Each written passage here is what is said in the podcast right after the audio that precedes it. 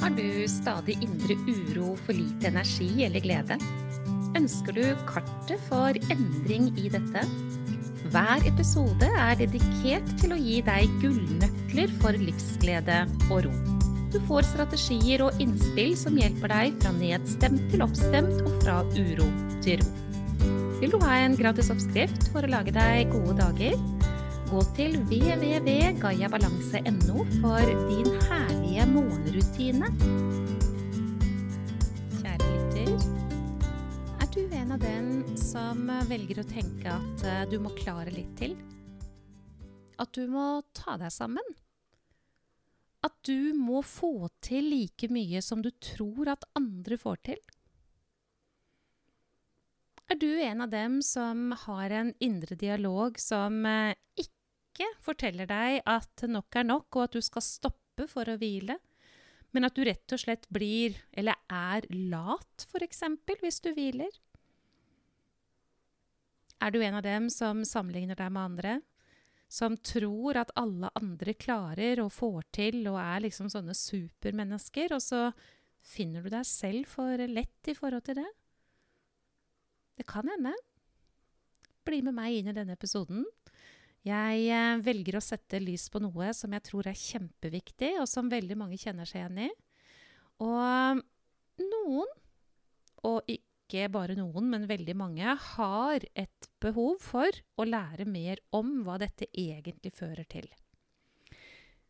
Ofte så snakker jeg om eh, det som jeg kaller, kaller, for belastninger. Og det er ikke bare jeg som sier at det er det, men jeg bruker ofte det ordet.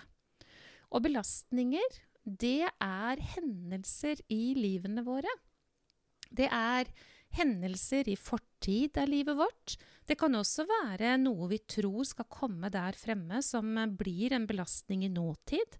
Altså, vi venter ikke engang til det kommer, men vi går og dveler ved det i forhold til hvordan skal det gå, hva kommer til å skje da, hvordan skal jeg få til det, da kommer det til å bli sånn, og det er ikke bra, osv. At det er inn i fremtid.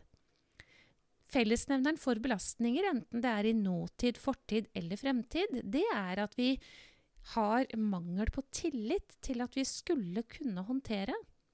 Og vi har en stemme i det som eh, skremmer oss, istedenfor å trygge oss.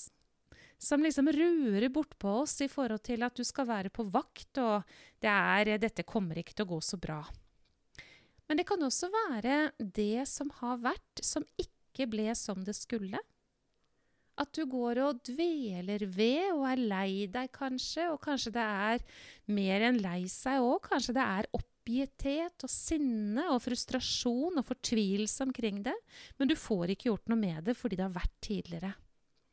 Det er eksempler på store belastninger. Men det som også er felles for belastninger, det er at de er ikke belastninger. Med mindre du og jeg har en tanke som gjør det belastende. Det vil altså si at det vi opplever i livene våre, enten i nåtid, fortid, framtid, at vi går og bærer med oss dette, ikke sant?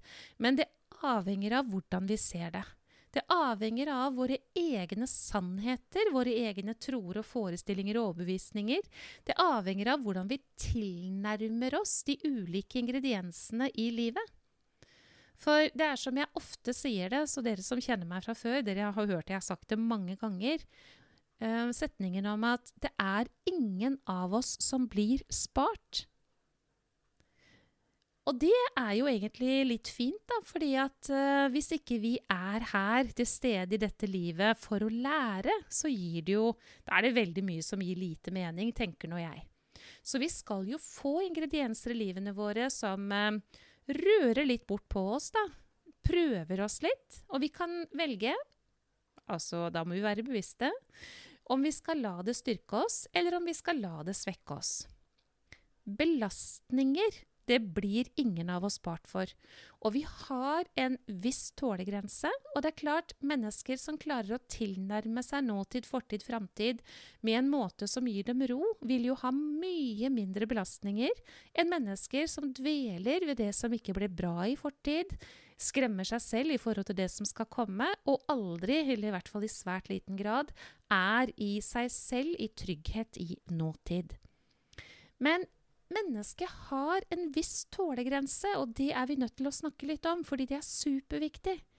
Hvis du er en av de som tenker sånn som jeg sa innledningsvis, at det må du kunne klare, og såpass må du kunne tåle, og jeg klarer litt til, og alle andre får til og sånn Hvis man holder på med det der, så vil man jo hele tiden ha et påslag som er uheldig i forhold til stressaktivitet og nedbrytelse i deg selv. Det finnes en grense. Det finnes en tålegrense som jeg erfarer at veldig mange mennesker ikke forholder seg til.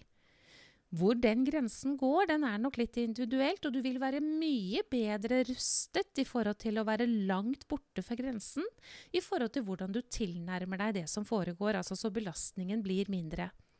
Men eh, når belastningen øker, så vil man jo være stadig nærmere tålegrensen. Og det som er så fantastisk, det er at for den som lytter, så vil man alltid kunne vite om man begynner å nærme seg tålegrensen. Men det som ellers egentlig oftest skjer, det er at man driver og kjeppjager seg selv.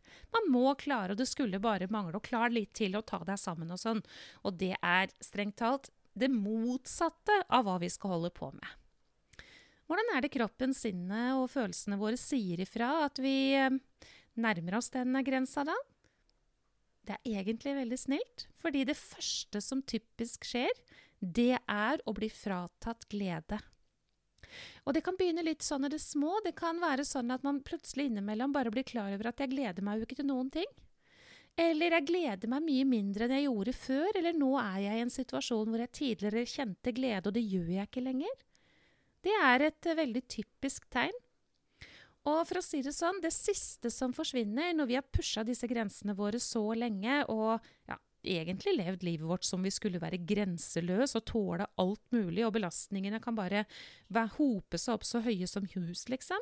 Det siste som skjer med oss, det er dette møtet med den berømte veggen. Og der blir vi fratatt all energi. Der er smerter og kanskje også angst og mye trøbbel fullstendig til stede.